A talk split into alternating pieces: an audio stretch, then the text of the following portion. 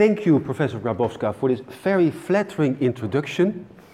Uh, it's really a pleasure and an honor to be here on this rainy Saturday. So I'm, I feel privileged that so many students came to uh, came to this to this lecture. It's real Dutch weather, I have to say, uh, but it's a pleasure to to lecture in this uh, in this series. Um, what I would like to do is to focus on a specific part of my research. And it's uh, uh, research that is related to the issue of international migration. Um, and I'm going to show you some results of ongoing research on international migration and especially on the role of the social media. I think that's a very important topic to understand migration flows and migration decision making. I think we should learn more about the role of the social media so I'm going to show you some results of ongoing research and specifically I would like to pay attention to the refugee issue. So apart from some work I already finished, I'm also going to discuss and present to you some work on, on Syrian refugees. And I think because, you know, the, the topic of this lecture series was about the challenges of humanities of the 21st century, and I do think that the refugee crisis is one of the most you know, pressing issues of modern times. Uh, so I will start with a little you know, background figure about you know, what we're talking about if we're discussing the refugee issue, and then I turn to the role of the social media. Uh, pièce de résistance will be the idea of smart refugees. Refugees, you know, using social media to find their way through the world. Uh, and then at the end, I would also like to discuss another part of my research, and that's more basically based on my social policy work at the Dutch Council for Scientific Policy. It's about how to integrate asylum seekers. Because what we witness nowadays in Europe, uh, there was a lot of debate about sheltering uh, asylum migrants. Many of them got a refugee status, but how to integrate them in West European societies. I think it's also an extremely important issue. Um, okay, some basic figures about the refugee crisis. And the figures I'm going to present here are from 2013. The figures about 2015 are higher. But you can see that uh, in the year 2013, more than 50 million people were on the run. Um, and 18 million of them crossed a international border. That's, that's important. So they are displaced um, very often within their own country. And the majority of people who flee their own country seek protection in neighboring countries. So if you take, for example, the, the, the, the Syrian refugees, most of them went to Lebanon, Jordan, Iraq, and Turkey. Yes? And only a very small proportion of these 50 million refugees are, you know, seeking shelter in Europe, North America, or Oceania. And I think it's important to note because we, uh, there is the idea that Europe was overrun by, uh, by, by refugees, but on a world scale, the number of refugees coming to and going through Europe is rather limited. And if you look at the, uh, the map of Europe, uh, and this is about the asylum claims in Europe in 2015, you see that you know, they, they went from Syria through Greece uh, to the Balkans to West Europe, Western Europe, see, most of them went to Germany, uh, some to Sweden, to Belgium, to France, to Austria and Hungary. So there is a kind of, they are not spread at random you know, over Europe, but they went to specific countries. And of course, uh, the main destination country was, was Germany. But also Austria and Hungary faced, were, were uh, faced substantial numbers of asylum seekers if, if, if, if someone has a question or disagrees with me, I think we should have a little debate. Yes, so we're not going to wait till the, the end. I think we should have a very informal discussion. So please, if you want to raise a question or make a comment, please do that. And if you, uh, I think it will be difficult to see it at the, at the back of the, uh, of the audience, but if you look at the asylum application per 100,000 local population, then you see the Netherlands is a little bit on the EU average. It's about 266, and in Poland it's rather limited, 32. Uh, 32, about 30 asylum applications per 100,000 people, the local population. And what I, what I don't show you here is the approval rate. For example, if you uh, talk about the Netherlands, I think 80% of the people who applied for asylum got a status. And what is the number in Poland? Who knows? It's? I don't know exactly, but it's very little. It's very, it's very limited, huh? Yes. And uh, so you, the, the basic you know, point I would like to make is that you have extreme differences within Europe. Uh, these are some of the basic figures when we talk about the asylum uh, issue. Now the role of the social media. And I think, as I said before, I think it's important because one of the key issues in international migration studies is how migrants make a decision for going to specific destination countries. And you see that social media is becoming more and more and more important because of it has specific basic characteristics. So one characteristic, of course, it's user generated content. So the users contribute to the content, like you know Wikipedia, Facebook groups.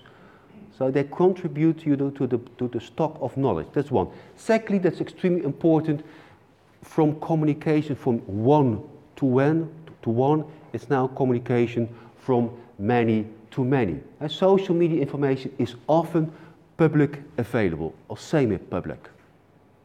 I think it's a very important characteristic. And of course, it's cheap, easily accessible, and media rich. We have here in, uh, in Poland is one of the most famous studies in my field, because I'm, I'm a sociologist by training, is the Polish peasant. By Thomas, and now I have to express a Polish name, Znaniecki. Yes? Yes. It's written, I think, in 1920, between 1918 and 1922. It was about the migration from Poland, especially to the United States, and especially to the city of Chicago. And it's a very rich, it's based on letters people wrote from Poland to the United States and vice versa. Um, but it shows you in those days it was real difficult to main, maintain contacts. Uh, you have to write a letter, put a stamp on it, post it. It took many, many weeks, sometimes months, to go to the United States. And now we have this rather easy contact. And it facilitates migration. And to a certain degree, it makes migration easier. Uh, because migration also comes with a lot of social, psychological costs for those who migrate and for those who are left behind. But because of, you know, you have this immediate contact, it reduces to a certain degree the psychological costs of migration. So this is just a simple quotation from one of my studies I did with Rianne Dekker. And one of the affordances for social media is to maintain contact with your family and friends. So this is a, uh, a quote from a guy from Ukraine. He said, I still have many friends in Ukraine. Once there was this birthday of my mate. They were at my friend's apartment drinking beer. So they called me on Skype put the laptop in the middle of the room and I was drinking beer with them. Yes? And you see that it's, it's important. So you see that mothers moving to Western Europe, they can stay into contact with their kids, even having, di having dinner together, Uh, using Skype. So that's an extremely important affordance of, the, of social media, but it's rather classical. But what is a more important what is important affordance of social media, you, you are able to revive contacts with distant friends who are somewhere in Europe. Yeah? Or, and that's, I think, the most important advantage, you can mobilize what we call in the literature latent ties, ties that does not exist yet. So if you look at the literature about migration, we often you know, emphasize the importance of maintaining ties with your close and with your strong ties. That's the official name, the official concept, or with weak ties. But what is more important, you can, uh, to a certain degree, mobilize latent ties. Also, this is a quote from a study from Brazilian migration to the Netherlands. And uh, Douglas, he argues, two guys added me on Orkut and they asked me about the Netherlands. They wanted information. Also hear this from a friend of mine. He was also added by strange people. So some people meet up here through online connections. You see that someone else also lives here, so you can get in touch with him and arrange a meeting. It's an easy thing to do. Everyone can connect. I think that's also extremely important for migration. That's why migration is becoming more individualized. It's not only network based. For example, people here in Warsaw, they can search the internet for jobs, for friends abroad, and they can offer relevant information for getting a job or for getting, you know, for where to study. And finally, and this is, I think, the most important point because they can uh, make a bridge to the issue of refugees, is uh, you can get and receive strategic informal information.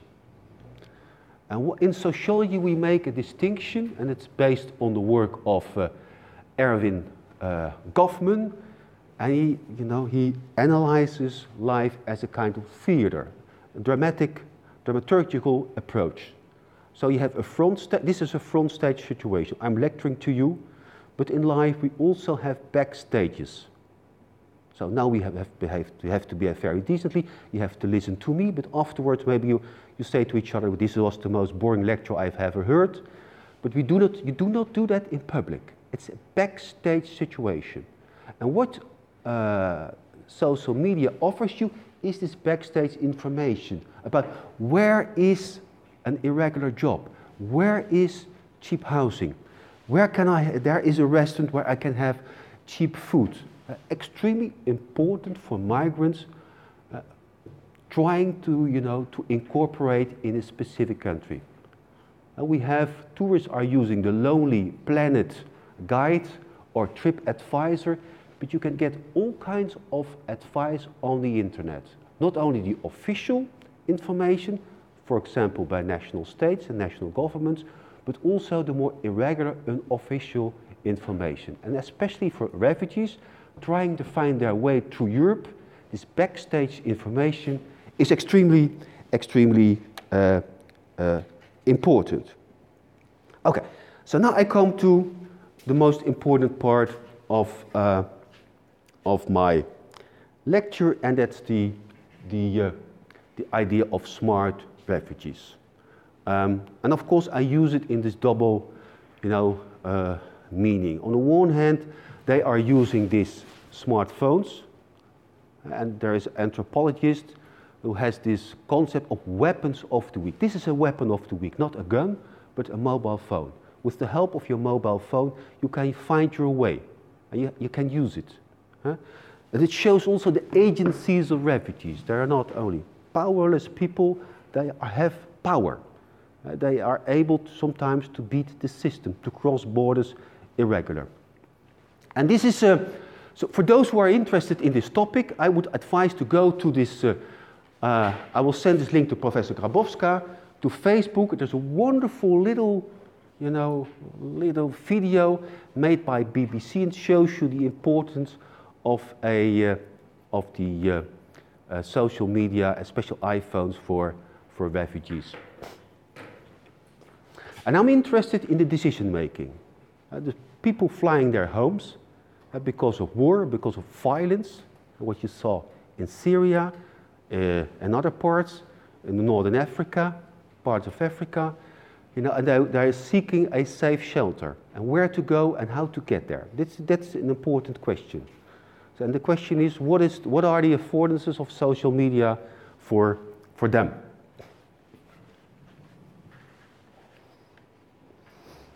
And so please have a look at this BBC, BBC video. Another I think an relevant source is this is an article in the New Yorker, one of the most, you know, very uh, uh, established magazine in, the, in New York, wonderful magazine, and it published a, a small article what was called 10 Borders Syrian Refugees Odyssey. And uh, it's a wonderful story about a guy from Syria trying to get to his uh, brother living in Sweden. But he had to cross 10 borders.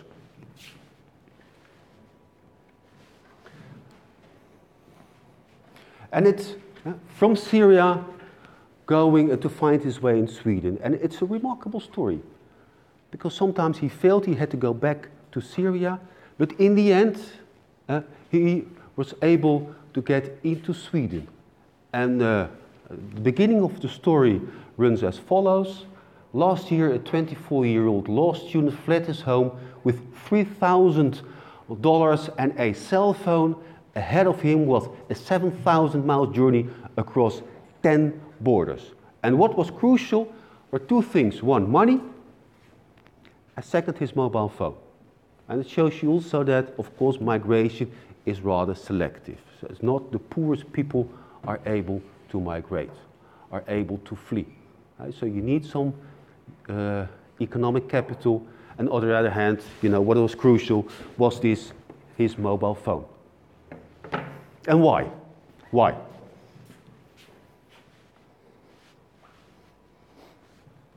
These are, you know, the main routes to, to Europe. And uh, I think it's difficult to see, but you see uh, all kinds of, you know, routes trying to find your way into Europe. And of course, what was very popular in 2015, be before the deal with Turkey and the Balkan route was closed, uh, people went uh, from, uh, uh if I'm, now I'm focusing on the refugees from Syria, they went from Syria to Turkey and then Uh, uh, through Greece, Macedonia, Serbia, Hungary, uh, to Western Europe, or through Bulgaria, Romania, and Hungary. And after and while, of course, those countries closed the borders yeah, with enormous effects. And afterwards, after they closed the borders, then there was this deal with Turkey. So now you see that the numbers of refugees coming through these, these routes are strongly, are strongly decreasing. But what is crucial, if you want to understand how people find their way, you have to take into account the role in information and the role of the internet. And you see now also that because of the closing of this part of, of, of this, this kind of routes, there are all kinds of, you know, different routes that are being invented in order to get into Western Europe. so we did a little re research on Syrian refugees who uh, uh, got into the Netherlands and who got a status. And we interviewed just 51, 52 uh, Syrian refugees about their social media use. So we asked them what kind of devices you used before and during the migration. Of course, your laptop, but the smartphone. The smartphone, you know, was the device, uh, was crucial to find information relevant to get into into Europe.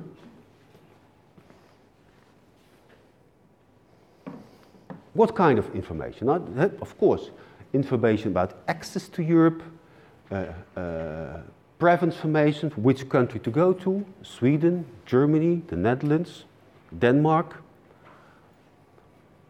Poland, organizing the journey, how to organize the journey, how to come into contact with arrived Syrian migrants was crucial for them to, you know, to what happened with those who, were, who left Syria er, uh, earlier and, were, and managed to get into Germany or in the Netherlands, but also to come into contact with agents and smugglers. So it, it shows you the smart refugees.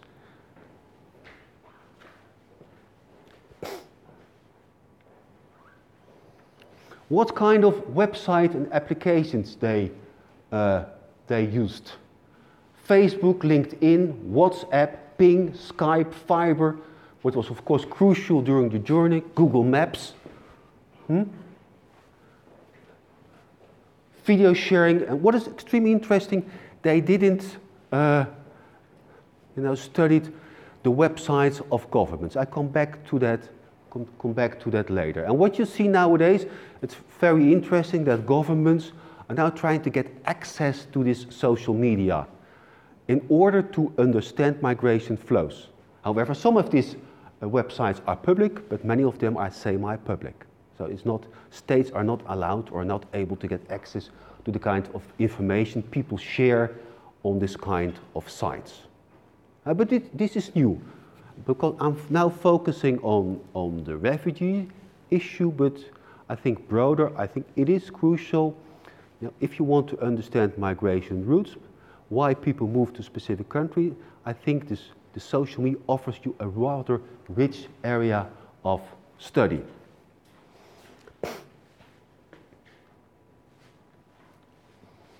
gives you information and communication power. It gives, provides you with agency. That is crucial. For example, I have here two quotations from this uh, small research I did with some co-workers. When you do not have internet connection, you are an easy target for frauds and crooks. You cannot make contact with others and fellow travelers. Another quotation, without the use of internet, my trip would have been much more expensive. For example, when you use the internet, it would cost you 1400 euros to come here. When you don't use internet, it would cost you around 5000 euros because you need to pay smugglers, etc. So it gives you a kind of extra power. That's why this James Scott, this is the, the, the anthropologist, wrote several books on resistance. He, he, he uses this phrase of a weapon of the weak. Eh? And the mobile phone is a weapon of the weak. Not because you know we're always dealing with weak people, because some of them are rather from middle class background, of higher class background, because but of course they are in a weak position as being a refugee.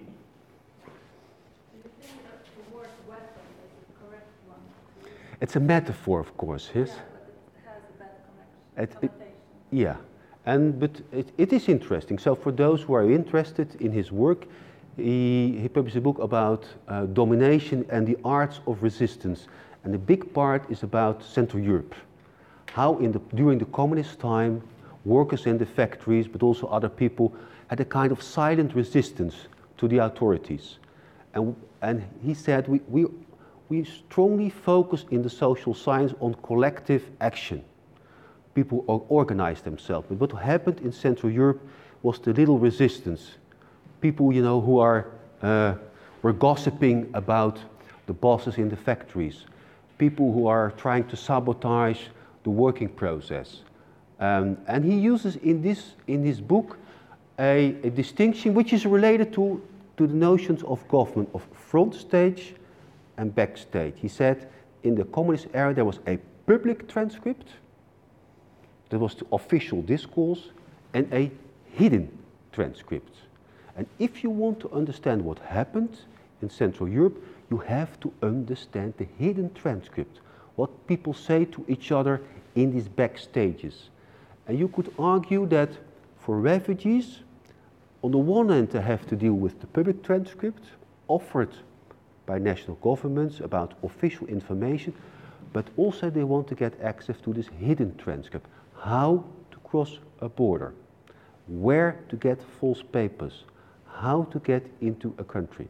And I think it's important. And he calls uh, this kind of, you know, strategies by, by these people, I can't, he used the metaphor of weapon of the weak. But I agree with you, it's not the most, uh, it has a bad connotation. But it's, in the, it's an immaterial, it, it's not a true weapon, but to a certain degree it is a device that can help you.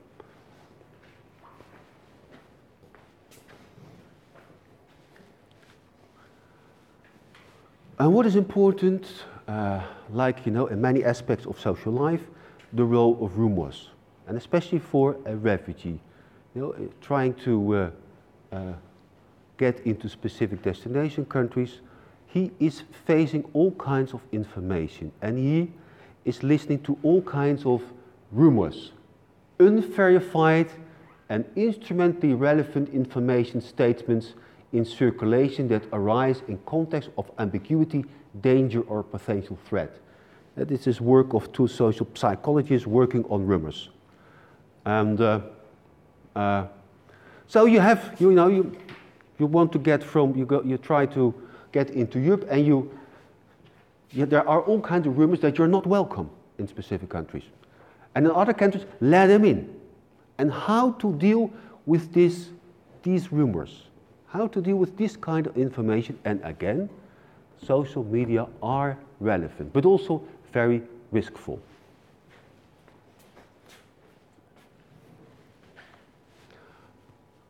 This, is, this was an important rumor. This is the mermaid of Copenhagen. I think her twin sister is, is here in Warsaw, isn't it?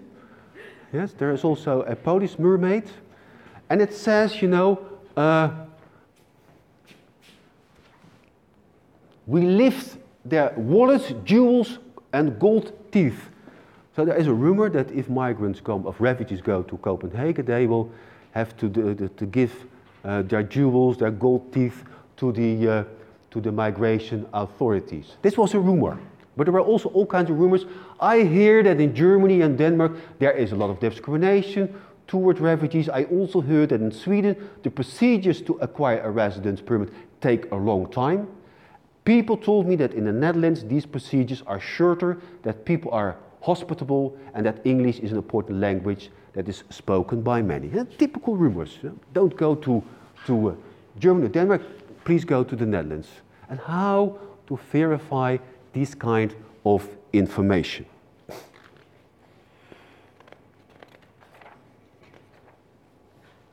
So what you see is that, uh, like all of us, yeah, they are trying to validate social media information. And what you want to acquire is what we call, uh, this is typically phrased from anthropology and social, is trusted information. Information that can be trusted. But what is trusted information. And they use all kinds of studies, triangulation of sources, so they want to combine all kinds of information and then make a decision. Validating information with trusted social ties. So it was crucial. Those refugees who had strong ties already in Western Europe were at an advantage because they could exchange information with family members that were already in Sweden or in the Netherlands comparing information with their own judgment, judging the source of information. Just, just one simple, simple uh, uh, account from a guy. The more likes a Facebook page has, the more trustworthy it is. That was the word they used all the time trustworthy. What is trustworthy or not? In Facebook groups, you can find replies from many different people when these are viewed many times, you can see if the information is trustworthy. When all replies are positive, then the information is good, means that it indeed is a good hotel or something. Yeah? And this is interesting because what we saw, and you see it all over Europe, that governments, you know, they understand the meaning of, of and the relevance of information. So Denmark faced a substantial number of asylum applications. And what they did, they put adverts in Lebanon newspapers, uh, because many Syrian refugees, they uh, were looking for shelter in Lebanon, but then there was a problem with food, okay, and then they moved to Europe. And the Danish government wanted, wanted to tell them, and they put all kinds of advertisements in newspapers, also on social media uh, to influence the decision making by refugees. Uh, it, I think it's difficult to read, but it, it, it, says, for example, in these adverbs, and they also not only in English but also, of course, in the Arab language, it says, the Danish parliament has just passed a regulation to reduce the social benefits significantly. The social benefits for newcomer refugees will be reduced up to 50%. So the message was you will receive very little money.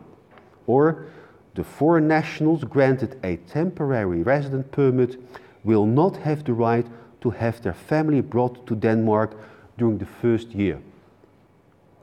And Germany said later, you're not allowed to bring in the family after two years, within the first two years. Yes? Uh, and it said uh, there are language requirements in terms of the ability to speak and understand the Danish language in order to obtain a permanent resident permit in Denmark. So they wanted also to provide potential refugees with very relevant information.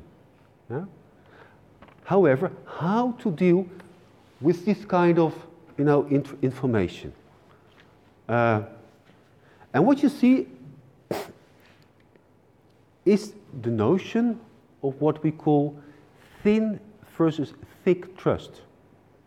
Um, there's a wonderful study made, made uh, conducted by Hagen and Zanker and Mallett about journeys to Europe from the Overseas Development Institute. So those who are interested in this kind of work, it's really very relevant study. And they make the argument, uh, consider, on the one hand, you, you, you receive information, for example, reading the advertisement in newspapers by the uh, Danish government, uh, and on the other hand, on the other hand, you have this information from personal context. What is more important?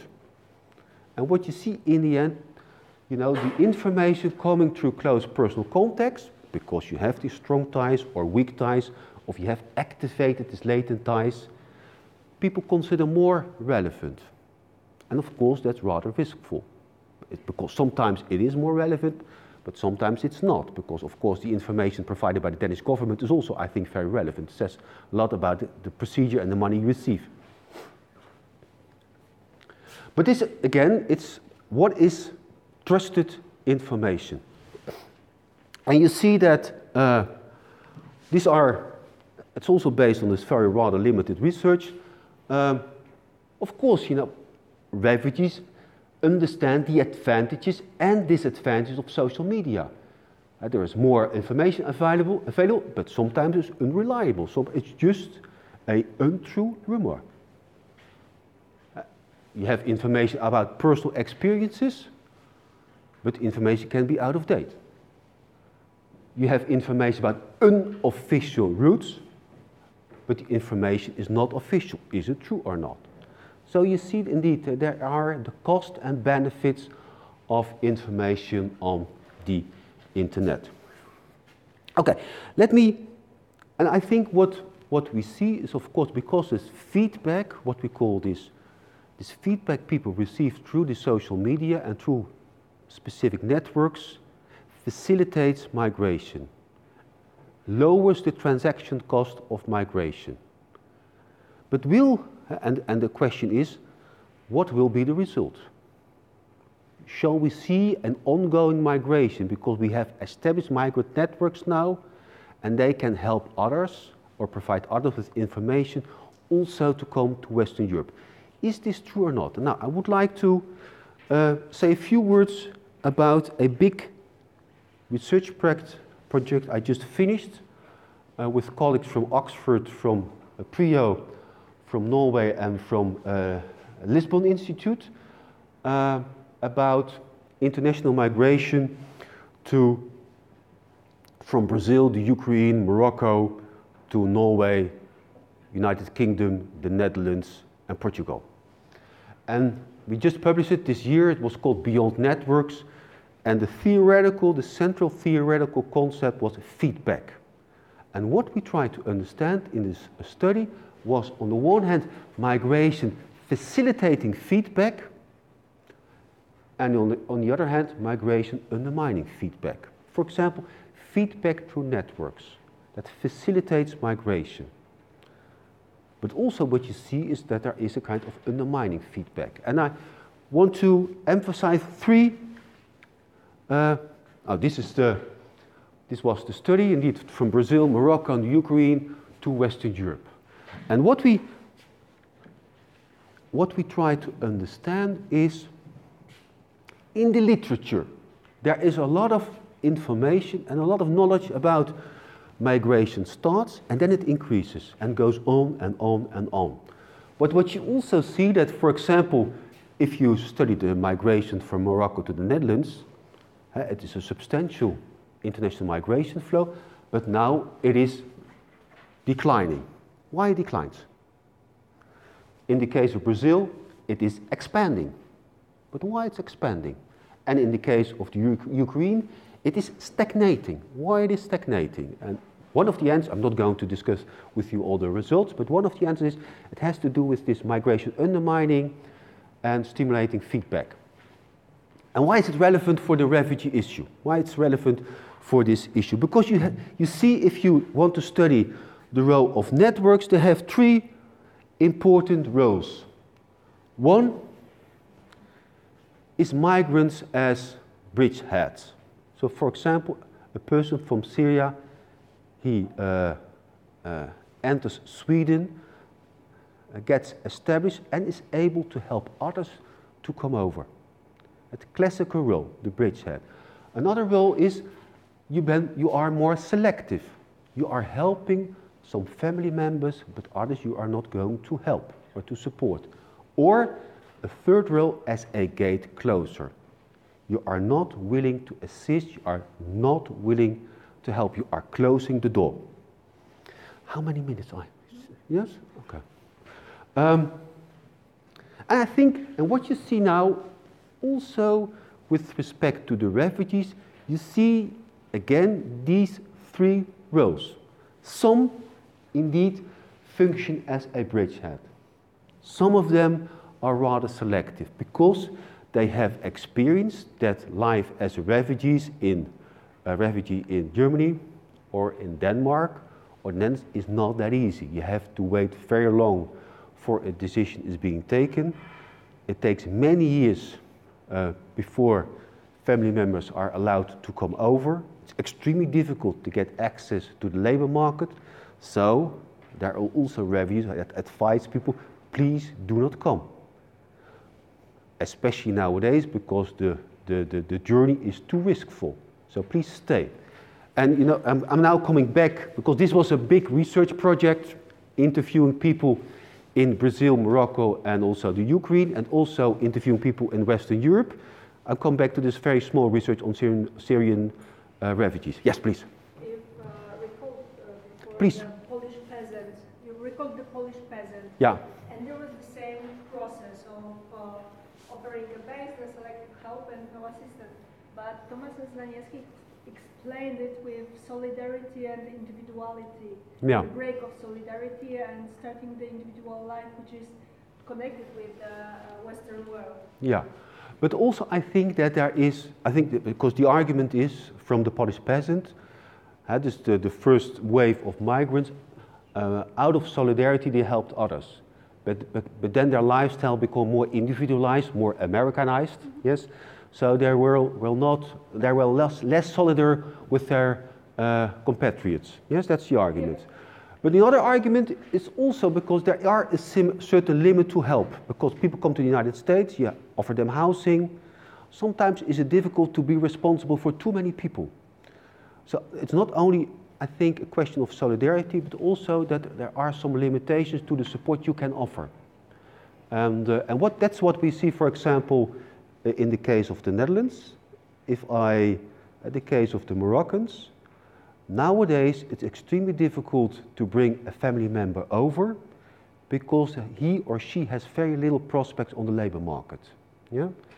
Um, and it means that the family will be responsible for a number of years for this migrant. Um, that's why, out of, because of that economic reasons, they say, no, please do not come because you do not have any prospects anymore in the Netherlands. Another argument is, of course, is the more hostile climate towards Muslim migrants. So there are all kinds of reasons for refusing to help others. But if you look at this, no, again, this very small research, uh, and I think it's changing rapidly, you indeed see some say we recommend other refugees to come to the Netherlands. Some are, sometimes they recommend and sometimes they discourage, and also nearly 20% is discouraging uh, refugees to come to the Netherlands. I think this number is now uh, uh, rapidly increasing. And I'm going to try to explain that. And I come to my final part. If Professor Grabowski allows me to, uh, yes, two, yeah? Okay. I need 10 minutes, yes. Um, because this is just, you know, a very small research, but I just want to show you the relevance of uh, migration decision making and also the relevance of information uh, uh, that you can acquire on the internet. And it can facilitate migration, but it, it can also undermine migration.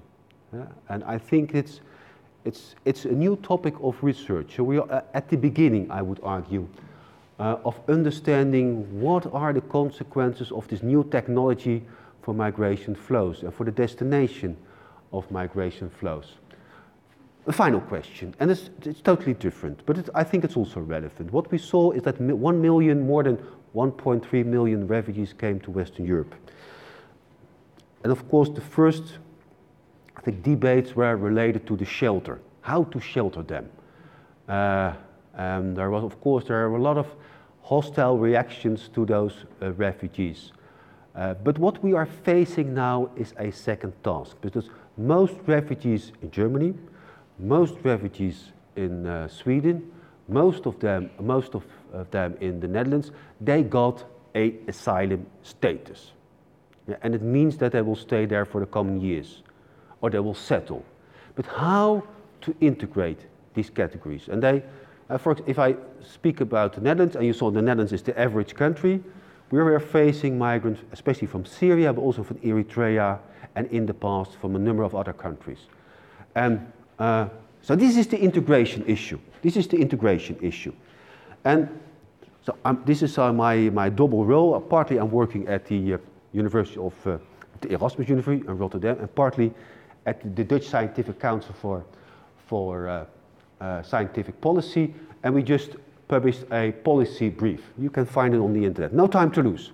From reception to integration of asylum migrants. And we ask ourselves the following question. Um, 2015, the Netherlands is facing substantial number of refugees. However, this is nothing new under the sun. In the 1990s, in this kind of period, we also were confronted with substantial numbers from the former Yugoslavia, from the Balkan Wars, from Afghanistan, Iran, Iraq, Somalia. And the question, what happened with them? Are, are there some lessons to be learned? What happened with the refugees who came, again, from Iraq, Iran, Afghanistan, Somalia, uh, from Yugoslavia? What happened with those refugees? What can we learn to improve or to better the integration of refugees nowadays? And we did a study. So I, I just, you know, my previous results were based on extremely, you know, limited research, talking to 50 people, but this was more substantial research.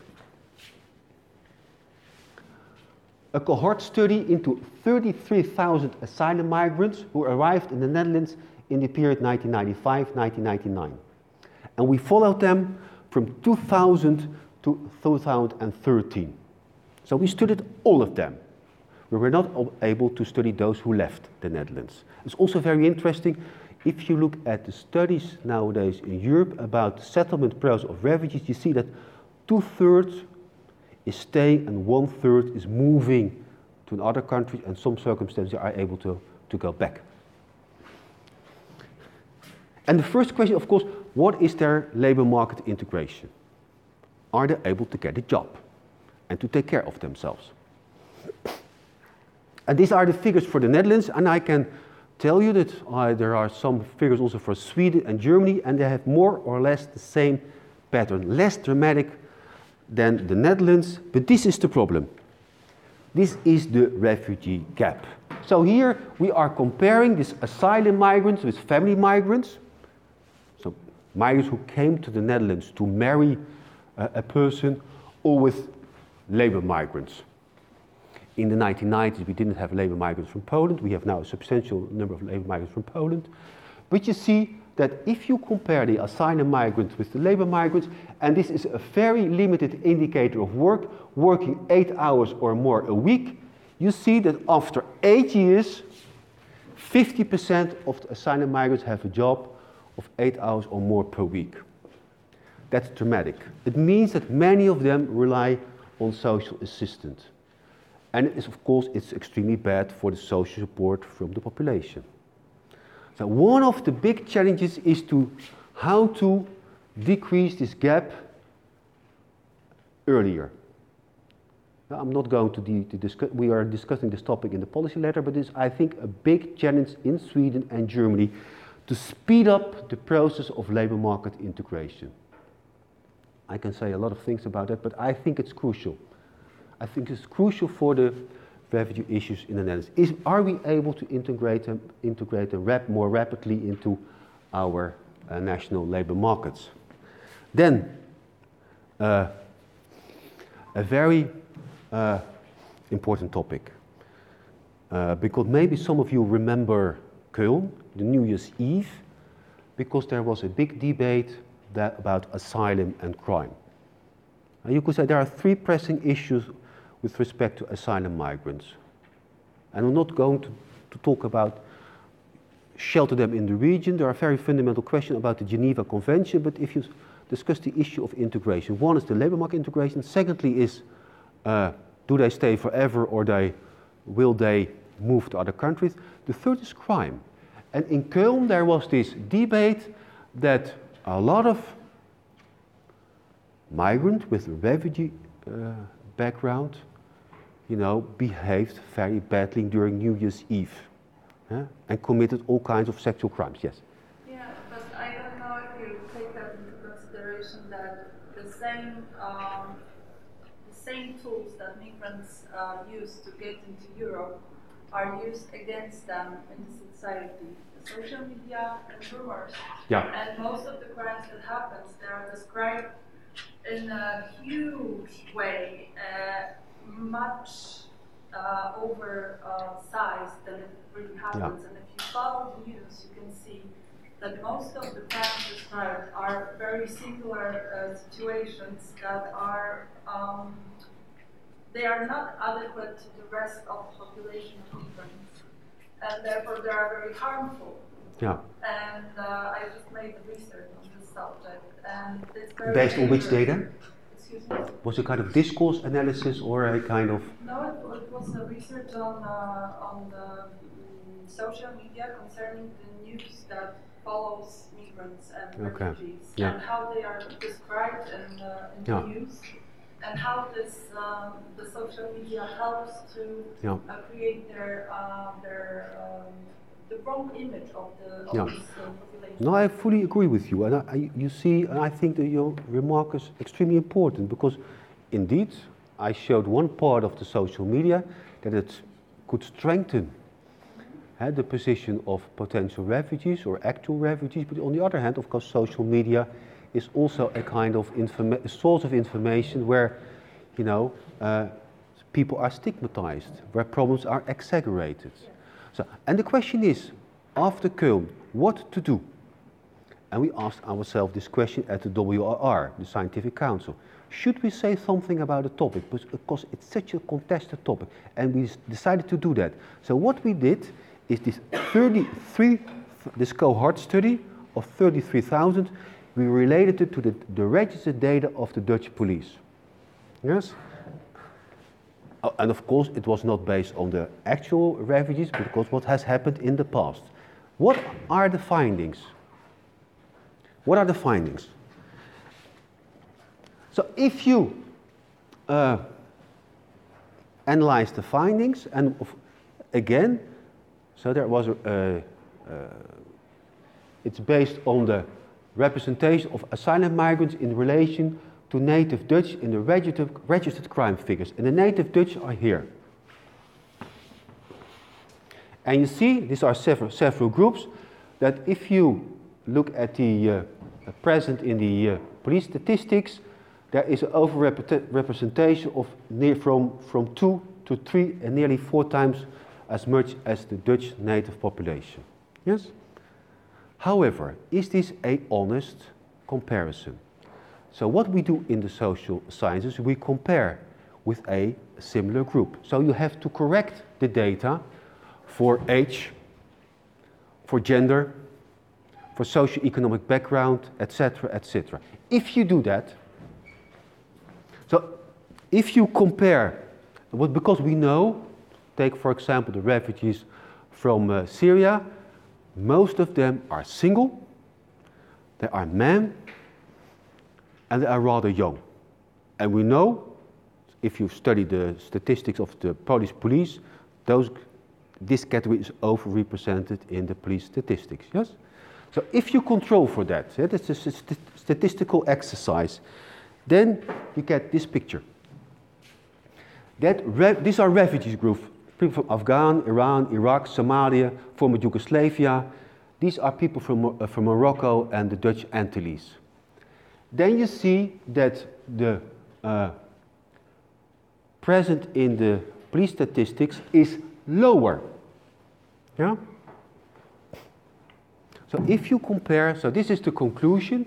I'm not going to, to discuss this now because it's extremely difficult to explain why it's not the case for uh, second generation Moroccan kids. But in comparison to the native Dutch population with similar demographic and socio-economic profiles, dus age, gender, single, employment status, the resident crime among permit holders is lower. That's very interesting. Uh, but of course, it's a double message because you could argue that a statistically corrected asylum migrant does not exist. So, a municipality facing the inflow of many young single men from Syria, he has to a certain degree a kind of crime problem. Yeah? On the other hand, were they engaged in what, what kind of uh, crimes they committed? No sexual crimes, not at all. Mainly shoplifting uh, and uh, in the case of, uh, of drugs and weapon-related crimes are committed far less frequently in relative terms by asylum migrants. So I think it's a very important uh, research because you try to, to uh, the myth that asylum migrants are more criminal is not true. However, they have a specific demographic profile. And what, of course, what has happened with this kind of data, what do you think what happened afterwards we published this report? Some politicians used the uncorrected results they are three times, the, their criminality is three times as high in comparison with the native Dutch. And of course, other policymakers and politicians used the, uh, the, the, controlled figures. Yes? I think, and we have to, you have to understand that both results are relevant. So, for a mayor or for a city who is confronted with the inflow of very, this young man from Syria, you have to take care. You have to be wise. Uh, Nevertheless, you don't, don't see that there are more criminal than the native Dutch. On the contrary, it's less. Yeah, very important result. Okay, I come to a conclusion and I apologize that my lecture was a little bit too long. Um, I think uh, that Europe, because the lecture series, what was the name of the lecture series? The Challenges of Humanities of the 21st Century. I think that because of the geopolitical situation in the world, I still think that uh, Europe will be confronted with asylum migration in the years to come. We are facing groups that are not you know, powerless, they are smart. Uh, thirdly, I think we have to rethink our migration and asylum policies to deal with that. But we have still a certain responsibility to incorporate a number of them in our societies. I just showed you the number. More than 50 million, million people worldwide yeah, uh, are fleeing from their homes.